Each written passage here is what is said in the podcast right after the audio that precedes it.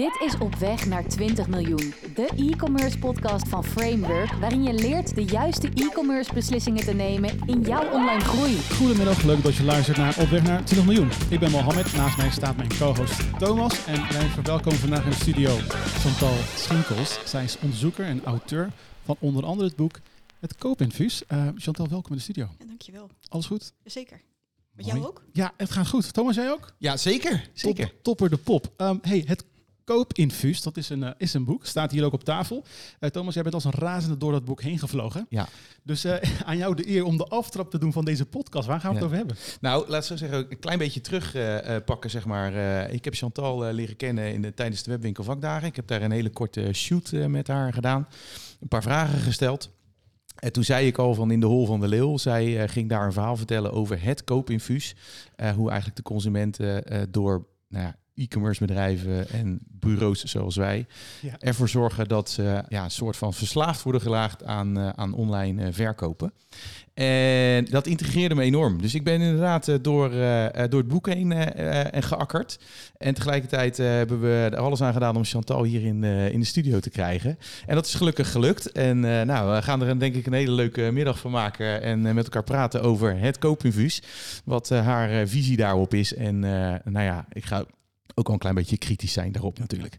Het koopinfuus, laten we daarmee starten. Wat, wat is het koopinfuus, Chantal? Uh, het koopinfuus is een term dat ik zelf heb bedacht. En uh, daar vallen drie uh, zaken onder.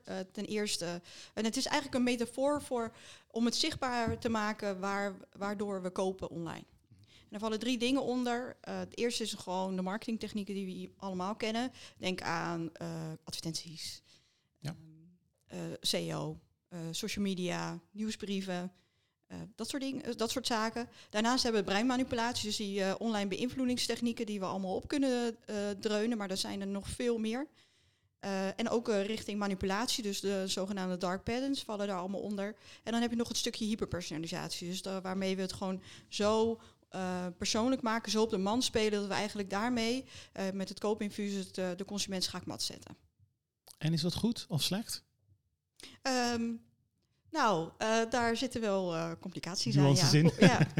Uh, voor, voor, zowel de consument en voor de bedrijven, dat moeten we niet vergeten. Ik denk dat um, die vraag van mij waarschijnlijk een beetje wordt beantwoord als ik jou de volgende vraag stel. Wa waarom heb je het boek geschreven? Waar komt het vandaan? Waar komt het vandaan?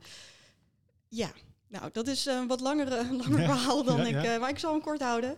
Uh, ik, ik, werk al twaalf jaar in e-commerce. Ik, uh, ik vind het echt geweldig. Uh, ik vond vooral het stukje data heel erg interessant. De dataverzameling, hoe kun je profielen maken. En ook vooral, ik was altijd heel erg bezig met... oké, hoe kunnen... Ik heb bij een agency ook gewerkt als consultant. Um, en mijn doel was ook een beetje van... oké, op het moment dat ik de omzet van mijn klanten verhoog... Mm-hmm. verhoogt ook mijn budget om door te ontwikkelen. Ja, ik was ja. uh, verantwoordelijk voor de doorontwikkeling, of in ieder geval de ontwikkeling van webshops. Uh, voor webshops met tientallen miljoenen euro's, dus dat was geen... Uh, het was geen spelletje of zo, het was echt wel serieus. Dus daar was ik al heel erg mee bezig. Hoe gaat het met de data? Een stukje technische SEO vond ik heel erg interessant, omdat daar ook de techniek bij kwam kijken. dus ik was daar heel erg mee bezig en ik vond het helemaal geweldig. Totdat ik mijn eerste boek schreef, de IT-girl. Het gaat over het gebrek aan vrouwen in de IT.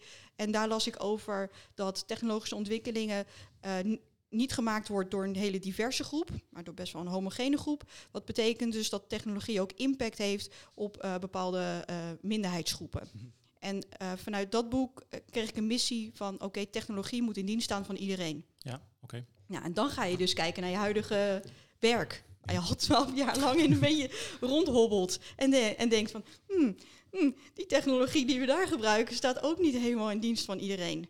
Nou, en toen werd het ook persoonlijk, alsof ze het wisten. Uh, ik stond op een gegeven moment uh, achter een uh, vrachtwagen. Daar begint het, het boek ook, ook, mee. Een vrachtwagen van een vismerk. Die stond voor een viswinkel te laden. En ik zat op de passagiersstoel, want dat is vrij cruciaal voor het verdere vervolg van dit verhaal. En we, we, we, gaan die vrachtwagen inhalen. Um, nee, we staan nog achter die vrachtwagen, sorry. En op de achterkant staat heel groot I see you. Of see you. Mm -hmm. nou, van een, voor een vismerk, uh, see you is dus een woordgrapje. Um, eh, en ik vond het hilarisch. Ik heb volgens mij vijf keer geroepen in de auto. Nu is het nog genoeg, nu weet ik wel. Eh, dus we gaan die vrachtwagen inhalen en ik eh, open mijn social media, want zoals eh, bijna iedereen ben ik daar natuurlijk ook verslaafd aan. Eh, en ik open hem en ik zie daar een advertentie van dat vismerk met heel groot See You erop. En toen dacht ik, oké, nu wordt het persoonlijk. Waarom? Wat is er in het algoritme dat heeft besloten om mij die advertentie op dat moment te laten zien? En daar wilde ik meer over weten. En toen ben je erin gedoken. En toen ben ik erin gedoken. Het is natuurlijk super interessant om dit natuurlijk, hè, want dit zijn ook heel veel dingen waar mensen ook eh, eh, nou ja, eigenlijk angstig voor zijn. Hè? Dat ze zeggen van oké, luistert eh, de, de grote big techs, luisteren die met ons mee. Is dat ook iets wat je ook op die manier kan onderschrijven dat dat ook echt zo is? Want daar is nog wel, nou ja, ik zou soms zeggen het, het zijn mythes, of is dat niet zo? Wat, wat is jouw, ja, laten we zeggen, analyse daarover? ik heb echt heel veel onderzoek gedaan en ik kon nergens vinden dat ze het eh, niet doen. Maar ik kon ook nergens vinden dat ze het eh, wel doen. Nee, Dus, Juist. eh, dus het blijft Ja. nog een beetje ja, wat, waar- wat er wel aan de hand is, is dat we heel veel derde partijen apps op onze telefoon hebben. Waar we wel hebben aangegeven dat we toestemming geven om de microfoon te gebruiken. Geval, nou, dan een lu- luidspreker en van alles. Dus dan, eh, er zijn ook verhalen dat mensen, want je kunt natuurlijk vanuit de AVG-wetgeving of GDPR, kun je je eigen informatie opvragen. Dat zou ik echt een keertje doen. Ja. Is heel erg interessant, ook als marketeer, als dat je in e-commerce werkt, dat je nou, naar een- aan een bedrijf vraagt van, nou, wat voor gegevens heb je nou eigenlijk van mij? Je schrik je dood. Ja. Eh, en daarin eh, komt wel naar voren dat sommige mensen bepaalde voice data hebben teruggevonden. Ehm, Aha. waarvan je nou ja, kunt afvragen of dat is ingezet in je totale profielenpagina. Juist, en of dat echt met jouw toestemming uiteindelijk ook is Ja. gebeurd. Ja, en natuurlijk er zijn ook nog andere, want we denken meteen aan afluisteren, maar er zijn natuurlijk ook andere manieren waarop je die advertentie te zien zou eh, krijgen. En dat is bijvoorbeeld op locatie. Eh, de viswinkel kan bijvoorbeeld een, eh, een, een, een advertentie hebben draaien op basis van locatie. Dus mijn lo- locatiesignaal is opgepikt eh, en dan worden er advertenties getoond. Dat kennen jullie natuurlijk wel. Nou hoorde ik jou net zeggen hyperpersonalisatie. Daar schrijf je ook heel uitvoerig over. Nou ja, omdat het een van de drie nou ja, ingrediënt, ingrediënten zijn van het koopinfuus, zoals je ze ook definieert. Nou, dan kijk ik eventjes vanuit, vanuit de bril van, van een bureau en ook de e-commerce ondernemer. Hyperpersonalisatie is absoluut een hot topic. Eh, omdat we daarmee zeggen dat we heel relevant kunnen zijn voor, eh, voor onze klanten. Ja. Hoe kijk je daar tegenaan? Want kijk, in die zin zeggen wij van joh, hyperpersonalisatie is juist zo belangrijk dat wij niet jou bestoken met informatie die eigenlijk voor jou helemaal niet noodzakelijk is om bijvoorbeeld tot een keuze te komen, maar juist op basis van jouw, nou ja, ja, dan is misschien nog even de vraag gedrag en even voorkeuren, dat we kunnen zeggen, ja, wij denken dat jij dit heel belangrijk vindt, dus daar geven we jou dan ook de, nou, de juiste advertenties of de juiste producten voor, eh, voor terug. Waar natuurlijk heel veel verschillende personalisatieplatformen, maar ook Google onder andere natuurlijk gebruik van maakt. Ja. Hoe, hoe, hoe ziet je dat in dat perspectief? Dus eigenlijk belangrijk, eh, personalisatie, hyperpersonalisatie versus relevantie. Ja, en als je dat even omgooit, er zijn natuurlijk ook consumentenonderzoeken. Nou, vorige week is er weer eentje uitgekomen van de GFK. Eh, daarin is deze vraag ook gesteld van eigenlijk hoeveel, welke data en hoeveel data wil je delen. En welke gepersonaliseerde content waardeer je? En dan zeggen eh, consumenten dat ze vooral de eh, nieuwsbrieven waarderen waar persoonlijke content in staan. Dus waar persoonlijke aanbiedingen in staan in nieuwsbrieven, dat waarderen ze echt enorm. Andere vormen van relevante content waarderen ze veel minder. Eh, wat ze helemaal niet waarderen is retargeting advertenties. Omdat daar zo de- overduidelijk persoonlijke data wordt gebruikt, dat ze, daar, daar krijgen de, steeds meer consumenten een beetje aversie tegen. Als En je want dat- hoor je ook wel eens. eh, want kijk, retargeting is ook, ja, ik zeg ook niet altijd heel erg eh, clean. Want het kan ook wel eens zo zijn op het moment, eh, jij bent een, eh, sneaker-fan uit het boek De Nike, komen veelvuldig voor. ze weer aan. Ja, heb oh, je hebt ze weer aan. Heel mooi, heel mooi. Vaak wat je ziet is natuurlijk, je wordt geretarget op basis van je gedrag op een, op een, op een webshop. En wordt niet altijd rekening gehouden op het moment dat je al een conversie hebt gedaan. Dus dat Nee. betekent dat je nog drie dagen, weken erna nog steeds die Nike voorbij ziet komen die je al lang hebt gedaan. Ja. Is daar dan die irritatie? Of gaat het onderzoek niet zo ver? Want ik kan me juist voorstellen dat als je wel in een, nou ja, laat zo zeggen, in die, in die journey, in die klantreis zit waar je aan het oriënteren bent. Ja, dan is de vraag of je dan op iedere plek elke keer maar die Nike voorbij wil zien komen. Of dat je dan op dat moment denkt van oké, eh, eh, ik vind het wel fijn dat... Nou, ik zal niet zeggen ik vind het fijn, want dat, ik weet niet of iemand het überhaupt fijn vindt. Maar dat ze er wel over geïnformeerd worden. Nou, het onderzoek ging niet zo heel erg ver, maar als je verder onderzoek doet naar bijvoorbeeld uh, ook naar de re reacties die er worden gegeven op bepaalde krantartikelen, um, andere punten waar consumenten, consumenten zich kunnen uitspreken, dan vinden ze het vooral dat het op vuile data is, dus dat, dat je het al hebt gekocht en dat je nog steeds wordt achtervolgd. Ja. En het, het is gewoon overduidelijk dat er persoonlijke data wordt gebruikt. En dat vinden consumenten steeds vervelend, omdat we ook steeds bewuster worden van wat we allemaal delen online en wat daarmee kan gebeuren. Ja. Um, dus uh, ja, dat, de, uh, nou, als je dan ook nog eens kijkt van oké, wat wil je dan als consument delen met een met een webshop, dan is het natuurlijk nou, een, een naam, adres, zelfs geslacht vinden ze prima. Wat ik best wel verrassend vond, omdat we dat als eerste ongeveer weghalen in een checkout, om uh, vragen naar een geslacht. Dat vinden ze dan wat minder boeiend, maar wat um, maar 11% van de consumenten oké okay vindt, 11% uh, is de klikgedrag van een op, de, op een website. Aha. Ja, ja. En dat is ongeveer wat we bijna 100% doen, omdat daar hebben die vervelende cookiebanden zo voor gedesigned dat uh, de meeste consumenten gewoon maar op ja klikken, want ja, de uh, gedoe. Nee, zeker. Kijk, uh, uiteindelijk uh, laten we niet roomser dan zijn dan de paus. Kijk, uiteindelijk uh, als we kijken naar e-commerce, denk ik dat als we ook alle podcastafleveringen terugluisteren, zijn we bezig met conversie, conversie, conversie. Ja. op allerlei verschillende manieren ervoor zorgen dat uiteindelijk iemand verleid wordt om uiteindelijk een aankoop, aankoop te doen. Is dat iets waarvan jij zegt, ja, maar dat zou je al helemaal niet moeten doen? In nou, die zin? Kijkt, of zeg je, je van als je er echt over nadenkt, hè, als je dit dan hoort, wat de consument dan, wat de consument aangeeft, ze hebben voorkeuren, uh, hebben uh, liever dat je bepaalde dingen niet doet, daar liggen toch gigantisch veel kansen. Zolang je het maar vraagt, is eigenlijk wat jij ook Zolang je maar weet van oké, okay, jouw klant of jouw, de consument, die vinden die nieuwsbrieven waar persoonlijke content in worden gegeven echt de bom. Vinden ze echt geweldig. Ze willen dat we, dat vinden ze fijn. Nou, dan, dan, dan past dat helemaal bij jouw klantenwens. Uh, en dan zal ik de laatste zijn uh, om te zeggen van nou, dat mag je niet doen. Maar ook transparantie, stoppen met ver irritatie, vervelende dingen. Uh, transparantie ook in je cookie banner. Wat, wat, wat verzamel je?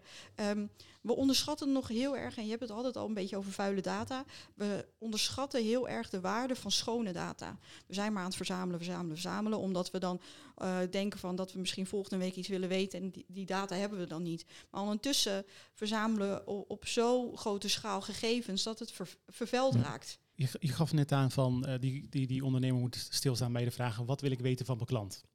En ik denk dat het antwoord daarop eigenlijk vrij simpel is. Ik wil alles weten.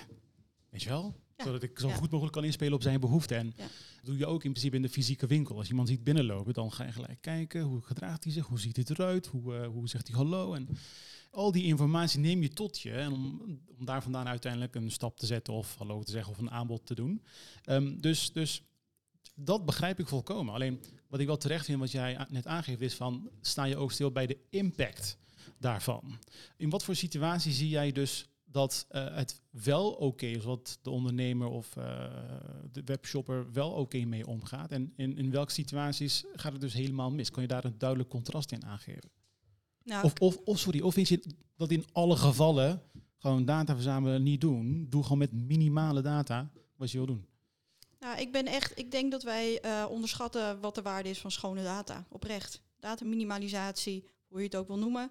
Uh, onze uh, is echt enorm. Uh, we, we, voegen liever software toe dan dat we eens op een vrije middag gaan kijken naar wat we eigenlijk nou allemaal gebruiken. Sommige bedrijven weten het niet eens, want dan zijn koppelingen en die, die doen dingen automatisch. We weten, tenminste, we gaan niet voldoende op zoek naar wat, er, wat, er wat het voor software is. Um, is het een staat de server in Europa? Is het uh, beveiligd of wordt het doorverkocht aan derde partijen? Nee, het enige wat we zien is dat het uh, uh, interessante software is. Hebben we misschien, nou, we gaan nog even terug naar de webwinkelvakdagen. Wat een hel. drie zalen volgens mij vol met aanbieders van software. Als je nou, daar inloopt, dan, dan denk je van nou, ik wil alles hebben, want alles belooft jou om succesvol te zijn, uh, om in ieder geval succes te hebben, om meer conversie uh, te krijgen en om meer omzet te maken. Dat is ongeveer wat ze allemaal beloven. Uh, en we hebben het dan niet over van oké, okay, maar wat is dan de impact? Wat voor gegevens geef ik allemaal weg? Iets, iets heel simpels. Je kunt bijvoorbeeld besluiten om een marketplace op te gaan. Mhm. Want dan denk je, dat is een extra verkoopkanaal. Daarmee kan ik mijn conversie uh, laten stijgen. En je kiest voor het marketplace Amazon. En je zet daar je spulletjes op. En het gaat als een trein. Er zijn natuurlijk verhalen. Ten eerste weet je natuurlijk dat je bedrijfsinformatie weggeeft. Uh, want zij weten namelijk zoekgedrag van jouw klant, zij weten het adres van jouw klanten. Zij kunnen do door middel van een account kunnen ze jouw klanten compleet volgen. Dat geef je al weg. Alleen maar door te verkopen via een marketplace. Uh, en daarnaast zijn natuurlijk ook de verhalen bekend dat als jouw product zo goed gaat, dat ze daar een kopie van maken en onder het Amazon-merk verkopen. Dan ben je zelfs je product kwijt. En dat soort zaken. Um, en dat is gewoon een heel simpel voorbeeld van een beslissing die heel, heel snel wordt genomen om op een marketplace te verkopen. Um, heeft impact. Niet alleen maar richting de consument, maar ook voor je bedrijf. En, en, en dat soort. Um, uh, Kijk, we hebben het nu over het koopinfuus dat verslavend is voor consumenten, maar mm -hmm. het is net zo goed verslavend voor bedrijven, omdat we maar hobbelen naar het volgende, de volgende oplo oplossing om zoveel mogelijk conversie binnen te krijgen. En als jij het niet doet, dan doet de buurman het wel. Ja, want daar schrijf je ook over, hè? over het uh, prisoners dilemma, zeg maar. Hè? Dus dat je zegt van als je uiteindelijk uh, in een uh, wereld zit waar iedereen het doet, wie durft er dan uiteindelijk de stap te maken om het niet meer te doen? Ja, en ik Zijn er voorbeelden waarvan jij weet dat er al partijen zijn die echt alles doen op schone data? Of de data zoals jij dat dan... Goeie vraag. Nou ja. Nou, ik vind dit echt een hele moeilijke vraag. En dat geeft al aan hoeveel ruimte er zit voor bedrijven om hiermee aan de slag te gaan. Ja. Uh, herken je de dubbele boodschap hierin? Ja, dat herken ik. Uh, ik hoop echt dat ik over een paar maanden, als je diezelfde vraag stelt, dat ik zeg, ja, dat, dat bedrijf, dat moet je ja. echt uh, als voorbeeld nemen. dus nou, misschien geeft dat al inspiratie. maar als ik dan voorbeelden kan geven, maar niet echt voorbeelden, um, is bijvoorbeeld Albert Heijn. Albert Heijn stond heel lang bekend om zijn transparante manier van vertellen over uh, dataverzameling. Dus ze hebben in hun app hebben ze van die schuifjes. Ze zijn er heel erg open over. Over van, nou, dit zijn, is de data die, ik, die we verzamelen en dat, dit, dit doen we ermee. Uh, heel lang bejubeld onder mensen die hier ook mee bezig zijn. Van, nou, Albert Heijn is daar echt een voorbeeld in. En twee weken geleden staan ze in de krant, tenminste onder Ahold. En daar geven ze aan dat ze een miljard euro verdienen met het, de verkoop van data. Data, van klantdata. Aan, ja, van klantdata ja. aan, aan derde partijen. Dus uh, daarvoor vind ik dit een hele moeilijke vraag. Want er zijn bedrijven die echt wel uh, een bepaalde tweakjes doen, goed bezig zijn. Maar toch niet helemaal, waardoor als ik ze als voorbeeld noem... Uh, ik dan altijd wel weer op mijn vingers wordt getikt van... ja, maar hey, weet je wel dat dit gebeurt en dat gebeurt. Ja. In, in, je boek haal je ook uh, een aantal keer de ACM aan. Hè? Dat is natuurlijk uh, een, een, een, een, overheidsinstantie die, uh, nou ja... Jullie verfoeien? Ja. nee, in, in, die, in die zin, zeg maar, die, die belast is met, met nou ja, wet en regelgeving. En ehm, nou, zij hebben ook een, een leidraad voor e-commerce geschreven. leidraad voor hoe je met, nou, eigenlijk op de juiste manier verleiding en niet misleiding... Ja. Je praat ook over dark patterns, ja. zeg maar, die daar dan eventueel in in, uh, in zitten. Um, kan je stellen dat op het moment dat je um, verleidingstechnieken gebruikt op een juiste manier en daar dus ook transparant over zou zijn. Want dat is ook nog wat je heel erg benadrukt. Hè? Want misschien nog goed om even toe te lichten. Jij schrijft ook in je boek van er komt natuurlijk heel vaak voor, ook bijvoorbeeld in zoek, uh, zoekresultaten. Als je ergens op zoekt, is het, is het ook werkelijk het resultaat wat het beste bij jou past? Of is het het resultaat wat het beste bij de onderneming past? Precies. Nou, En maken wij onszelf ook wel eens. eh, ja, daar ligt sp- het spanningsveld. Is het, eh, doe je iets om, eh, omdat je bedrijf daar beter van wordt, of doe je dat omdat de klant daar beter wordt? Juist. Want jij haalt een, een voorbeeld aan bijvoorbeeld van Marktplaats, hè, waarin je dus eigenlijk zegt van oké, Marktplaats is dan een op dat vlak een goed voorbeeld, die dus heel expliciet aangeeft van let op, in de resultaten zijn staan eh, ook betaalde resultaten, hou daar rekening mee. Hè. Dus zij geven dat heel expliciet, expliciet aan. Op het moment dat, even terug naar mijn vraag, op het moment dat je dus ehm, verleidingstechnieken gebruikt op een manier dat je daar transparant over bent, is dat dan iets waarvan je zegt dat, ja, dat is oké? Of zeg jij van nou, verleidingstechnieken aan zich zou ik echt niet inzetten? Eh, de eerste stap zou sowieso transparantie zijn. Ja, Eh, want dat, eh, het mooie van transparantie is dat het ook heel veel bewustwording bij de marketeers geeft. Omdat je het moet uitleggen waarom je het gebruikt. Ja. Dus dat is echt een hele mooie eerste stap. Ehm, en maar daarnaast moet je ook afvragen, hadden een beetje in het voorgesprek over van... oké, jij wil mij die Nike's verkopen, eh, met pantenprint liefst. Nou, ik koop ze met, eh, met alle liefde van je. Eh, omdat dat, nou, dat is mijn ding. Maar jij zei ook van ja, maar dan willen we ook nog eens om het orderbedrag te vergroten. Dat broekje, shirtje, sokken, veters, de hele make-up erbij verkopen. Niet omdat ik, ik weet dat jij heel erg graag daarvan houdt, maar gewoon omdat ik het orde, de ordewaarde wil verhogen. En dan denk ik van ja, Ja, dus daar zit dan weer voor jou het gevoel, zeg maar, als jij me iets verkoopt wat ik echt nodig heb, dus wat echt mijn intentie is geweest, dan is het oké. En als je daar technieken voor gebruikt om mij te verleiden om dat te kopen, Nou ja, je moet het eigenlijk, misschien moet je het niet meer ver- verleiden noemen, maar informeren. oké. Eh, Oké. dat, dat klinkt ook aardiger, denk ik. Ja. Maar, maar Ja. dat is het, dat is in, in de basis natuurlijk niet, toch?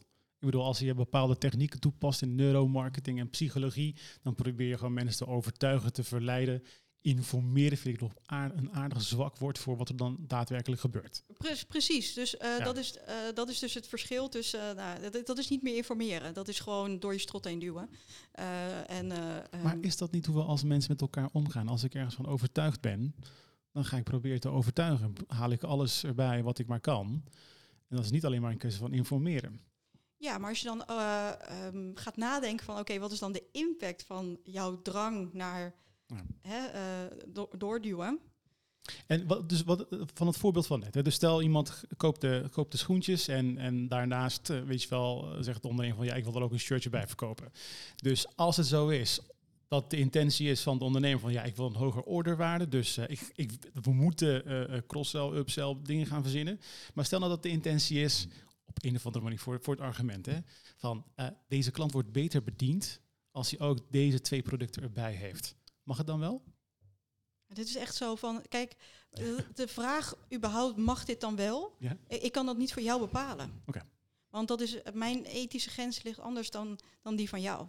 En daarvoor is dit, eh, deze discussie zo eh, moeilijk, omdat Is mensen die willen mij zo graag tot zwart-wit. eh, en ik ben heel erg van het zwart-wit denken. Dus dat, normaal gesproken heb ik daar echt geen moeite mee. Maar in dit geval proberen ze me te verleiden tot zwart-witte uitspraken. De- de- en dat is in dit, deze discussie zo lastig. En, en dat is ook het lastige. Want kijk, de ondernemers die zeggen natuurlijk van ik wil de klant goed helpen. De klant staat centraal. De vraag is, is dat ook echt zo? Ja, en ik denk, maar ik denk echt op het moment dat je de klant centraal gaat zetten, dat je er ook anders naar gaat kijken. Want Nee je gaat dan ook, naar, als we kijken naar de impact, achteraf betalen. Als je me vraagt van oké, wat wist je nog niet van tevoren en heeft eh, je ogen geopend, dan is het wel het achteraf betalen. We, we hebben achteraf betalen geïntroduceerd eigenlijk door een wetgeving ehm, dat al bestond voordat überhaupt internet was. Dus het is echt een hele oude wetgeving. En dat, eh, er staat in dus dat je consumenten, ehm, eh, nou, dat consumenten de, de, de, het recht hebben om nalevering ook nog een stuk te betalen. Dus zodat ze niet van tevoren. ehm, en dat was natuurlijk vroeger, dan ging je naar een meubelwinkel en dan kocht je een bank van eh, heel veel geld. Inmiddels niet zo heel veel, maar hè, moest je een, een half jaar wachten. Ehm, en dan eh, betaalde je de helft van tevoren en de helft bij, eh, eh, bij levering of zelfs nalevering. Dat was gewoon verplichting. Ja. Ja. Dat staat in die wet. Nou, dat heeft een duwtje gegeven richting dat achteraf betalen. We hebben natuurlijk Klarna, hadden Afterpay, nu Riverty. Eh, en er zijn nog meer aanbiedingen, eh, eh, aanbieders van achteraf betalen. Ehm, en we hebben gezien op het moment dat we dat, hè, want wat er moest dan was dan verplichting vanuit de overheid, ja, dat moest online ook gebeuren. Dus dat hebben we massaal omarmd. En we zagen ook door middel van AB-testing dat op het moment dat jij achteraf betalen ging aanbieden als eh, eigenaar, als webshop, dan zag je die eh, conversie, Conversie. ineens, ineens eh, Ja. enorm stijgen. Dus dan denk je, yes, kassa. Ehm, als je daar heel erg logisch over nadenkt, inmiddels, ehm, als jij een schoenenzaak hebt, even terug naar de sneakers, en ik weet niet wat voor maat ik nodig heb, of ik weet niet zo goed welke ik nou moet kiezen, en ik eh, koop er zes. Ja. Eh, nou ja, in eerste instantie zie je natuurlijk in die AB-testing, of in ieder geval in je conversie, een enorme stijging van zes paar schoenen. Maar als ik ze na eh, binnen twee weken vijf van terugkrijg, ja, in hoeverre heb je dan eh, een lekkere conversie? Maar goed, dat, is, eh, hè, dat zijn allemaal dingen waar je over na moet denken. Maar dat achteraf betalen heeft heel veel impact voor de financiële gezondheid van, eh, van jouw klant, van de consument. Want ehm, achteraf betalen, buiten het feit dat je als ondernemer natuurlijk ook best wel een percentage voor moet betalen om dat te gebruiken. ehm, de consument, er zit geen BKR-registratie op. Hmm. Dus als een consument of een klant van jou in de schuldhulpverlening zit, en ik begrijp dat je denkt, oh, moet ik daar ook nog eens rekening mee houden? Nou ja, dat, eh, ja liever wel. Eh, dan eh, kunnen zij gewoon nog steeds blijven kopen. En dan vraag ik me echt af, wil je als ondernemer zulke dingen wel gebruiken? En er zijn ook bedrijven, eh, achteraf betaalbedrijven, die een interne incasso hebben. Dus die hebben he- Ja. eigenlijk helemaal geen incentive om, om die Ja. consument eh, op tijd te laten betalen. Want ze krijgen hun geld en misschien nog wel extra. Toch wel. Wat ik, wat ik wel interessant vind, ook in jouw vraag, eh, Mo, is dat ehm, je uiteind- uiteindelijk denk ik, maar goed, dat is misschien ook eh, wensdenken, dat op het moment dat je succesvol wil ondernemen, dat je per definitie de klant centraal moet hebben staan. Als die klant niet centraal staat, hè, ik, ik, ik zit nou ook in het voorbeeld wat jij nu zegt, met betrekking tot Riverty, in, in, in de vorm van, van Klarna. Denk ik bij mezelf, zo'n product ontstaat ook omdat ook de consument erom vraagt. Want op het moment dat de consument het niet zou gebruiken, dan zou ook zo'n dienst of product ook geen levensvatbaarheid hebben. Hoe kijk je daar dan tegenaan? Want aan de ene kant, en dat beschrijf je ook wel in je boek, hè, van wat is nou de verantwoordelijkheid van de consument? Enerzijds leggen we ook een stuk verantwoordelijkheid, en daar ben ik het helemaal met je eens. Hè. Ik denk dat het een hele interessante discussie is van hoe ver ga je als, als e-commerce branche, hoe ver ga je in het, nou ja, laat zeggen, nou, nou even het woord gebruiken, het koopinfuus, hè, het aan het koop, koopinfuus leggen van jouw klanten. Maar de andere kant, wat is nou de, uh, de verantwoordelijkheid van de consument om ook bewust te zijn van het feit dat, dat hij dus, nou, noem het dan maar eventjes, zwarte gaten heeft en dat hij dus beïnvloed kan worden. Dat hij zich bewust is van het feit dat op het moment dat hij Klarna gebruikt of Afterpay, dat daar dus een financiële risico aan zit. Um, even losstand van, want je kan je afvragen of de e-commerce ondernemer per definitie zegt: jij moet met Klarna afrekenen. Nee, we bieden vaak de optie. En de klant kiest daar zelf voor omdat hij dat heel fijn vindt. Uh, omdat hij misschien zegt van oké, ik koop die schoenen. Uh, ik wil ze eerst gezien hebben. Eigenlijk net zoals jij het voorbeeld noemt. Maar ik kan hem redeneren naar een voorbeeld. Hè? Dus je, je kan hem ook anders redeneren. Maar ik redeneer nu uit vanuit het voorbeeld, vanuit de gedachte van de consument dat het zou kunnen zijn. Die zegt, ik wil die sneakers, die Tigersprint sneakers, eerst even hebben gezien. Want ik wil hem wel geleverd hebben voordat ik zeg maar boter bij de vis heb gedaan. En achteraf betaal ik. Nou, er zijn denk ik, wij hebben volgens mij ook gesproken met uh, iemand op de webwinkel vakman, dat heet SprayPay. Die dus eigenlijk zei van joh, je zien eigenlijk helemaal niet dat onze doelgroep de partijen, of eigenlijk de consumenten zijn die financieel, uh, nou ja, laat zeggen, misschien iets minder goed ervoor staan. Het zijn juist de, nou, zou ik het dan maar zo zeggen, de juppen, zeg maar, die op een bepaald moment zeggen, ik vind het eigenlijk wel prima om het zo te doen. Ik hoef niet gelijk boter bij de vis, ik doe dat op een bepaalde manier, ik doe dat gespreid en dat vind ik best. En zo heb ik het allemaal lopen. Financieel geen enkel probleem, ze kunnen het ook allemaal betalen. Hoe kijk je daar dan naar? Want dat is natuurlijk een andere vorm van naar zo'n situatie kijken. Want de consument is ook zelf ook wel in charge. Dus, dus is de vraag, bij wie ligt de verantwoordelijkheid? Nou, ja, eigenlijk wel. Alleen die antwoord kan ik natuurlijk zelf ook wel invullen. Hè. Ik denk dat het een gedeelde verantwoordelijkheid. Maar is, laat zo zeggen, ja, maar ik wil het wel even van jou horen, eh, Chantal. Wat, hoe kijk je daar tegenaan? Uh, het eerste wat ik hoorde toen ik vertelde dat ik uh, dit boek ging schrijven, van ja, maar de consument is verantwoordelijk. Dat vinden marketeers heel makkelijk. Mm. Mensen, ja, maar de consument heeft, is verantwoordelijk voor zijn eigen gedrag. Ook zelfs de schrijver van Hoekt, dat is ja, ja. die dus vertelt hoe jij verslaafd, of hoe we mensen verslaafd kunnen maken aan een bepaalde app. Die zegt, die weet dus van oké, okay, zo kunnen we mensen verslaafd, maar die zegt nog steeds van ja, de verantwoordelijkheid ligt bij de gebruiker. En ik vind dat wel heel, heel makkelijk gezegd, want als het echt verantwoordelijkheid ligt bij de gebruiker, dan maakt het ze wel heel erg moeilijk. Want er zijn ook onderzoeken waar uh, naar voren komt dat zelfs de experts op dit gebied, op het gebied van breinmanipulatie, op het gebied van verleiden, manipulatie, wat, wat, misleiding, wat dan ook, die trappen er nog steeds in. Ja. ja. Dus maar daar, daar zit in mijn ogen wel een, een verschil. Hè? Dus tussen iets van misleiden of verleiden. Want misleiden zit voor mij iets in bijna tussen aanstekens crimineels. Ik laat jou iets doen wat ik eigenlijk niet wil dat je doet. Maar, of eigenlijk wat je zelf niet wil wat je doet. Maar daar word ik beter van. In principe in verleiden zit dat ook. Alleen dat doe ik meer omdat ik, nou ja, laat zo zeggen, in een wereld zit als ondernemer waar ik niet de enige ben, maar ik heb meerdere partijen om me heen die allemaal hetzelfde bieden en allemaal om diezelfde sneaker van jou aan het strijden zijn om hem aan jou te verkopen. En ik wil hem zo goed mogelijk aan jou verkopen. Dus ik probeer jou te verleiden om bij mij te kopen. Twee, twee dingen daarover. Ten eerste, als we het dan even over verleiding hebben. Uh, vind ik dat we, um, dus online beïnvloedingstechnieken, vind ik dat we als uh, uh, e-commerce medewerkers of e-commerce, ja, hoe, hoe noemen we ook ons? E-commerce specialisten, specialisten, experts, daar veel te weinig over weten. Ja. Uh, we gaan naar een event, horen daar een of andere guru vertellen van, nou als je dit doet, we hebben AB-testjes gedaan, nou, uh, 10% extra conversie. Je denkt, heel die zaal zie je denken, oh, morgen ga ik dat ook doen. Dan krijg ik ook 10% meer conversie. Niet over nadenken, gewoon doen. Ja. Uh, we weten daar veel te weinig over. Ook veel te weinig. Ik denk oprecht dat als we meer weten over, over online beïnvloedingstechnieken, over uh, de manier waarop we die informatie uh, verkrijgen en wat voor impact het heeft op, op je organisatie, op het hele ecosysteem eigenlijk, dat we dan spaarzamer zouden zijn met het gebruik van online beïnvloedingstechnieken. Als we dan kijken naar misleiding, manipulatie. Um, dat kan je ook doen door naar, naar dat soort goeroes te luisteren. Dus zonder dat je weet, kan je ineens aan, een, aan, aan een dark pattern hebben toegevoegd aan je webshop. Je noemt dat een aantal keer nu, een dark pattern. Wat is dat? Ja, dat is een, een chic woord. Je kan het ook deceptive design noemen. Dat is iemand die heeft dat woord bedacht en dat, daar zijn we uh, op verder gaan. Dark pattern is gewoon een vorm van manipulatie. Dus eigenlijk een patroon om, en dat kan heel, heel simpel zijn door um, een, een linkje te vergeten in een nieuwsbrief om je uit te schrijven.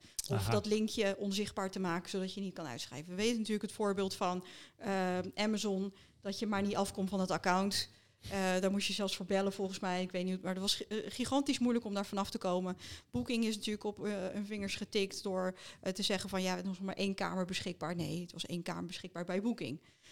maar ik zie nog steeds, ehm, ik, ik, zie heel veel dark patterns bij echt hele bekende uh, webshops, hele bekende webshopnamen. Bijvoorbeeld een refer friend, friend spam. Dus dat je wordt gevraagd om een uh, e-mailadres uh, door te geven van een vriend.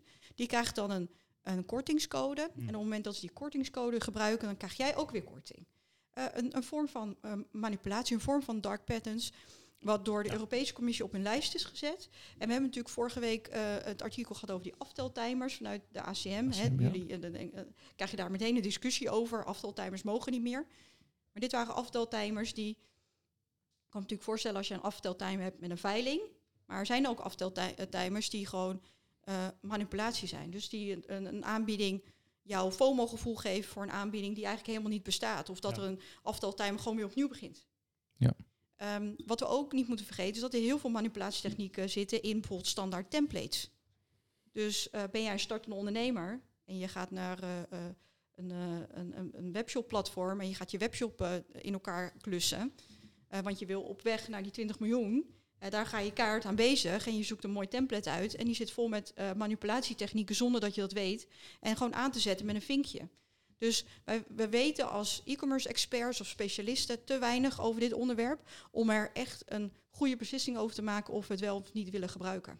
Ja, daar, daar, daar, had ik inderdaad een vraag over. Want je gaf aan, we zitten in die zaal. Ja, als je dit doet, 10% conversieverhoging. Ja, precies. En dat zijn mooie dingen om te horen. En dat is waarschijnlijk in een podcast. Uh, dan denk je, ja, ah, ja, hebben, dat is waar wij... Uh, die op, schrijven we die op?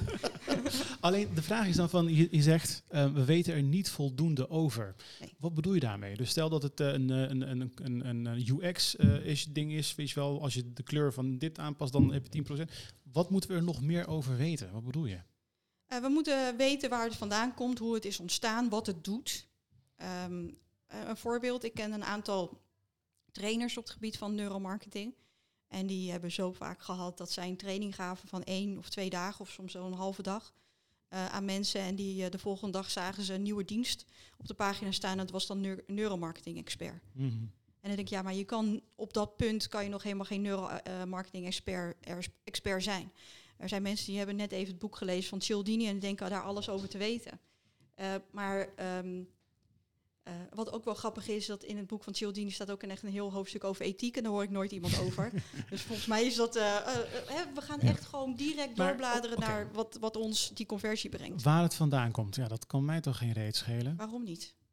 Als het uiteindelijk doet wat het moet doen. Als het precies. conversieverhoging. Ja, ja precies. precies. En, en, en wat, ja goed, ja, dat maakt toch niet uit waar het vandaan komt. Hoe maakt het wel uit waar het vandaan komt? Omdat je dan wat spaarzamer ermee omgaat. Tenminste, dat is mijn hoop. Omdat um, ik geloof echt dat als wij. Het, kijk, uh, we hebben uh, e-commerce hebben we in de markt gezet als een soort verslavingsmodel. We hebben hem eerst in de markt gezet als, nou, online vind je de laagste prijzen. Want toen zagen we nog, zaten we nog ergens op een zolderkamertje. Uh, hadden we wat kastjes staan met productjes. Nul overhead, een simpele webshop en het ging als een trein.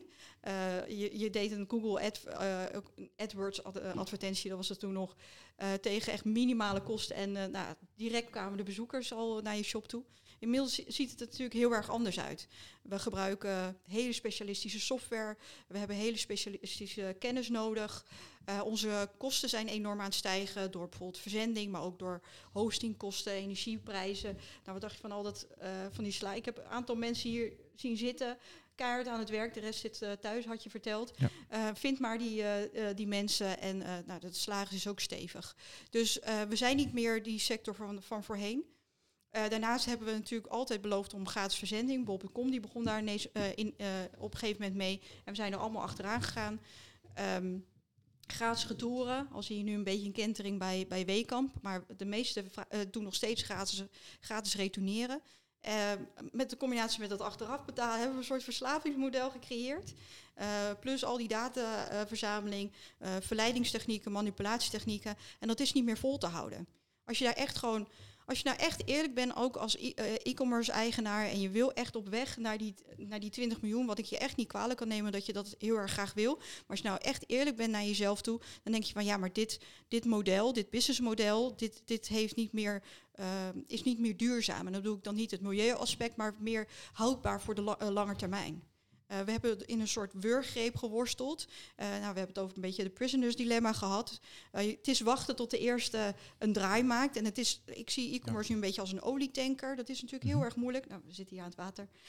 dat kun je wel zien. Het is heel moeilijk om zo te draaien, te, te ja. draaien of een beetje van koers te veranderen. Maar er zit wel verandering in de lucht. Want een grote e-commerce partij waar ik ook mee heb gesproken, die, die zien de noodzaak hier ook van in. En dan is het toch mooi, en ik had het al net een beetje aangegeven, dat als je dat ik over een paar maanden, nou, een paar maanden is misschien wel heel erg vroeg, maar over een tijdje uh, een, een, een, bedrijf kan noemen op het moment dat jullie naar een voorbeeld vragen. Dat je ja. zegt van ja, die, die heeft het begrepen. Want we, we krijgen een nieuwe. Sorry dat ik doorraad hoor, maar het nu, nu hè, trigger hier mij. Uh, we krijgen een nieuwe generatie, nieuwe consumenten. We krijgen de jonge millennials en uh, Gen Z, generatie Z, die juist meer impact wil maken. Die juist uh, op zoek is naar bedrijven, die echt ook kijken naar bedrijven van oké, okay, hoe zitten ze in elkaar? Maar ook niet alleen naar het bedrijf zelf, maar ook naar het ecosysteem eromheen. Van ben je eigenlijk wel goed bezig als bedrijf? Dat zijn de nieuwe consumenten. En die wil je toch aan je binden. Ja. Niet alleen als, trouwens als consument, maar ook toch als mensen die uh, uh, hier uh, werken. Want we weten dat jonge mensen zijn op zoek naar bedrijven die, die, die meer doen dan alleen um, wat ze moeten doen. Maar ook een beetje andere impact maken. Ik denk dat het sowieso fijn is om een, een, goed geweten te kunnen hebben. Dat je niet jezelf schuldig maakt aan manipulatietechnieken. Heel simpel. Aan misleiding. Verleiding wordt al een grijs gebied. Dat hebben we duidelijk benoemd. Eén. Twee is, je benoemde ook het punt dat uh, je als bedrijf natuurlijk niet je data wilt weggeven aan een marketplace. Zonder daarover na te denken. En het derde wat je net een beetje noemde, daar wil ik even naar vragen. Het stukje duurzaamheid van de consument, van je, van je e-commerce uh, uh, bedrijf. En dan niet duurzaamheid als in milieu, maar van, ho van hoe lang blijft die klant bij mij hangen. Ja. Kun je dat eens toelichten? Wat, wat, wat bedoelen we als we zeggen duurzaamheid binnen e-commerce? Inmiddels weten we door een beetje veldonderzoek te doen dat een, een gemiddelde ordewaarde van 30 euro eigenlijk waardeloos is. Je verdient er, uh, nou je moet er echt wel heel erg je best doen, wil je daar wat aan verdienen. Dus uh, zijn we echt, nou we hadden het al over die gemiddelde ordewaarde om die te laten stijgen. Maar dat zegt heel erg over die onder druk staande marges. Uh, die gigantische kosten die eraan aan zitten. Ik, ik zag laatst, uh, en dat zijn ook dingen die, waar we nog niet zo heel erg aan denken. We hebben natuurlijk over die retourenbergen gehad. En dan ga je er maar vanuit dat je wat je terugkrijgt, dat dat weer verkoopbaar is. Mm. Maar dat gratis retourneren kost ook veel, heel veel geld. Ik, ik, ik spreek uh, soms startende ondernemers en dan zet ik dat eventjes onder elkaar. Van wat er nou allemaal voor kosten bij komen. Ze zikken zich helemaal ja. te pletter. En ze denken van ja, maar ik wil gewoon die tas verkopen online. Of ik wil gewoon uh, dat doe het zelf spul verkopen online. Uh, zijn, zijn dat echte kosten die erbij komen kijken? Het is hard werken om online geld te verdienen. Zeker. Echt hard werken. Je krijgt die, die gouden bergen die zijn beloofd, dat, die, die zijn er niet. Ik heb, heb jij ze gezien? Nou, ik zeg niet gouden bergen, maar wij zien wel uh, modellen waarin gewoon geld verdiend kan worden. Maar het is inderdaad waar. Het is uh, voor uh, sommige ondernemers echt een struggle om onderaan de streep geld over te houden. Zeker op het moment dat je gaat kijken naar al die elementen. Wat wij ook vinden waar je naar moet kijken natuurlijk. Hè? Want het gaat eigenlijk wat jij noemde, van of je nou zes sneakers verkoopt en dat als jouw omzet telt en vervolgens komen er weer vijf terug. Precies. Ja, dat moet wel allemaal mee in je, in je totaal. Ja, daar, daar wordt totaal. veel minder naar gekeken. Er wordt de targets, de bonussen, de promoties worden allemaal verdeeld aan cijfers die aan de voorkant zitten. Um, maar goed, dat wilde ik, eh, ik wilde jullie nog een verhaal vertellen. Een paar, ehm, maar ik weet niet of jullie hem ook voorbij hebben zien komen over de herenpyjama. Kennen jullie hem? Nee. Nee. Nee? Nou, er is een bedrijf die verkoopt alleen maar herenpyjama's. Ik zie jullie al gelijk glimmen, oh, daar moet ik Ja. meteen naar gaan kijken. Ja. Ehm, en die vertelde dus, nou, eh, wij kregen een pyjama retour. Kan gebeuren toch? Maar weet je wat ze dat retour kregen? Een gebruikte pizzadoos. Oh, ik heb daar ook iets over gelezen. wat- ja, maar de- Ja. Ik hoop niet dat het een broodje aap verhaal is. Hoop Nee. ik niet. Maar ik, ik, de tranen Ja. springen toch in je ogen. Ja. En daar moet je dus ook mee dealen. Dus ehm, zoals je al zei, van, het is natuurlijk... Kijk, als we heel eerlijk zijn en je zegt van... nou, er zijn een aantal businessmodellen die, die werken. Die, die, die mensen die geld verdienen. Ehm, maar dat, het is gewoon echt hard werken. En als we dit zo doorzetten... dan komt er ook een soort monopolie op bedrijven... die dat allemaal kunnen betalen. Die zich...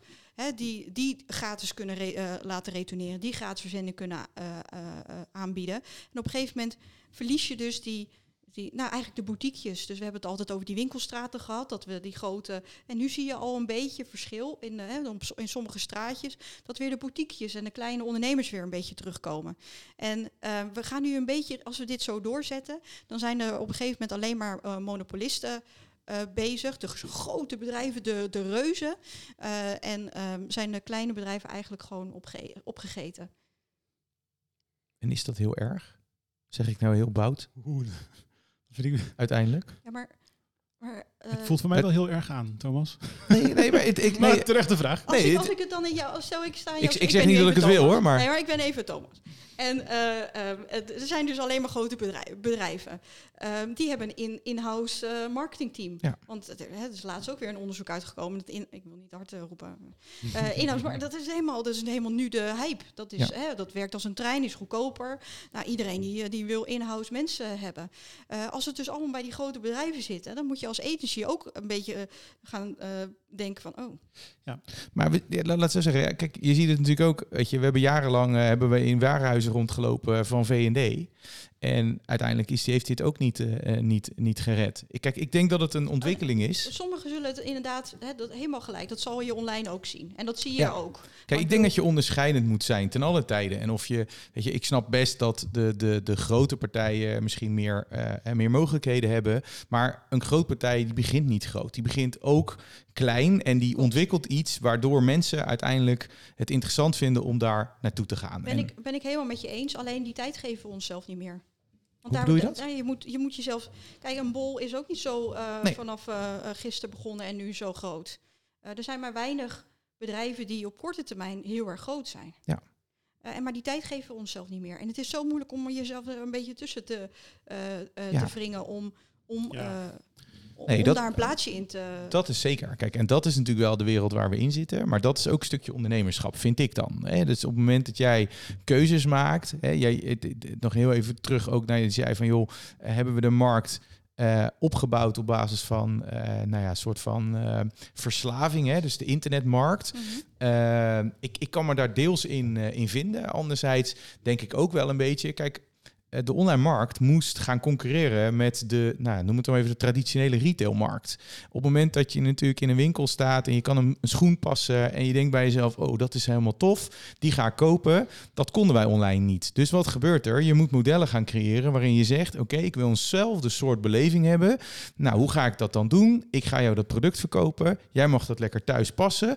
Als ik jou dan ook nog eens 15 euro retour ga vragen, dan kom je niet meer bij me terug. Dus wat mij betreft, Helemaal waar. dus het is natuurlijk vanuit dat perspectief ook Precies. opgezet. Maar we, we kennen ook in, in ons, eh, eh, onze branche voor, voorschrijdend inzicht. Ja, dat je, zeker. dat je eh, helemaal waar. eh, Bolt en die is begonnen met, achter, met het achteraf betalen. Dus dat je meteen bestelling kon plaatsen. Ze geven ook aan dat hebben we gedaan om vertrouwen te wekken bij de consument. Ja. Maar we zijn nu t- 25 jaar verder. Ja. En we zijn eigenlijk die start-up fase zijn een beetje voorbij. Ja. Ondanks dat het hier heel erg uitziet als een start-up fase. Eh, maar we moeten volwassen worden. Het, wordt een, een, eh, het gaat een derde van onze bestedingen die wij doen in Nederland gaat naar online. Dus het is echt een volwassen Hm. sector aan het worden, waar ook verantwoordelijkheid bij komt kijken. Dat ben ik met je eens. En dan denk ik van, oké, een voorbeeldje. Ehm, even nog terug naar dat eh, ICU-verhaal. Dus ik kreeg daar een advertentie voor. Ik kan me zo voorstellen dat het vismerk daar helemaal niet van bewust is geweest. Dat, die, dat, dat ze mij op dat punt een advertentie hebben laten zien. Dat kan, omdat ik er overtuigd ben dat er bij heel veel uh, marketeers uh, gebrek is aan kennis. Maar wat er ook gebeurt, is, we hebben het al een beetje over die tech-stack gehad, dat we maar software toevoegen. Maar als Google of, of Meta een, een, persconferentie heeft om nieuwe functionaliteiten, zitten we allemaal achter het scherm te kijken en zo snel mogelijk te proberen van wat het is en snel mogelijk te introduceren in de werkprocessen. Zonder daar heel erg over na te denken. Want wat er gebeurt, een Facebook weet hoe we ons voelen. Dus die weet door, door middel van het, hè, hoe je je voelt online, welke post je doet, comments plaat. Ze doen ze een soort sen, uh, sentimentenanalyse. Dus uh, ze weten gewoon helemaal hoe je je voelt. En op basis daarvan weten ze wanneer ze jou een advertentie moet laten zien. Want we weten, op het moment dat jij je, je, je niet lekker voelt, onzeker voelt. Uh, nou, je, we hebben het al een beetje. We hebben het laatst heel erg over de mentale gezondheid. Ook zeker voor je, van, van jong volwassenen. Um, dan ben jij goud waard. Want um, dan, ben jij dan, dan heb jij de meeste waarde voor de adverteerder. En als je dan erover nadenkt als adverteerder, van oké, uh, ik, um, ik gebruik deze functionaliteit gewoon omdat iedereen hem gebruikt. En het is een gigantische goede ROI. En het helpt in conversies en het helpt in mijn omzet. Maar als je dan echt nog even he, dat helemaal ont, ontwart en echt gaat kijken van oké, maar wanneer zien ze dan eigenlijk die advertentie? En dat is wanneer de klant uh, zich op zich zwak, uh, zwaks voelt. Omdat Facebook weet van dan heb jij de meeste rendement uit je advertentie. Um, dan kan je nog steeds ervoor kiezen om het te gebruiken. Maar je kan er ook over nadenken van oké, okay, dat zit er dus achter. Ja. En niet alleen achter de klant, maar het zit ook achter jou. Want jij bent net zo goed een consument. En ik denk, als jij hier meer over weet, dus meer je jezelf de vraag stelt van oké, gaan we deze nieuwe functionaliteit wel gebruiken? Wat zit erachter? Welke informatie, welke data hebben we daarvoor nodig? Of is daarvoor nodig? Dat je dan dat je in ieder geval bewust wordt van, van wat er speelt. En dat je misschien zelfs denkt van nou, deze functionaliteit laat ik gewoon eventjes aan me voorbij gaan. En dat is eigenlijk wel een, uh, eigenlijk een cultuur die wij uh, met zowel de consument als de markt samen hebben gecreëerd. Precies. En ja. nu van langzamerhand inzien van willen we dit misschien anders. Ja, ja en ik, ik wil niet zeggen dat, we, dat het allemaal slecht is. Ja, want dat schrijf ik nee. ook in mijn boek. Nee, hè. zeker. Uh, ik ben geen preek aan het houden van alles is slecht, dus waardeloos e-commerce. ik hou nog steeds van e-commerce. Alleen ik zie ook de, de mogelijkheden als je kijkt naar de toekomst. Ja. En dat, daar laten we gewoon dingen in, in liggen. En dan ja, dan, dan dat, dat vind ik zonde. Want er zijn dan aan beide kanten zijn er voordelen. Aan de ene kant, je gaat wat ethischer werken, maar aan de andere kant uh, zal je, ga je er ook voor zorgen dat jouw bedrijf langer kan voortbestaan. Ik wil het een beetje afronden. Uh, en in die afronding wil ik het eigenlijk uh, concreet maken voor die luisteraar. Want de podcast is op weg naar 20 miljoen, die je helpt, waarin je wordt geholpen om betere beslissingen te maken in, die, in dat groeipad. Um, welke beslissingen hebben we het nou over? Weet je wel, als we kijken naar dit gesprek. En, en, en uh, hoe zouden dus uh, de ondernemers daarmee om kunnen gaan? Het eerste waar ik aan denk, is een stukje reputatie. Rep, ja. Kun je, kun je, kun je, kun je dat eens Dat onderschatten we, net als ja? dat we onderschatten de waarde van, uh, uh, van schone data, onderschatten mm -hmm. we ook de waarde van reputatie. Um, we, we, verzamelen heel veel data, uh, we doen echt heel veel. Maar op het moment, bijvoorbeeld Patagonia was, stond op hè, met zo'n eenzame hoogte ergens.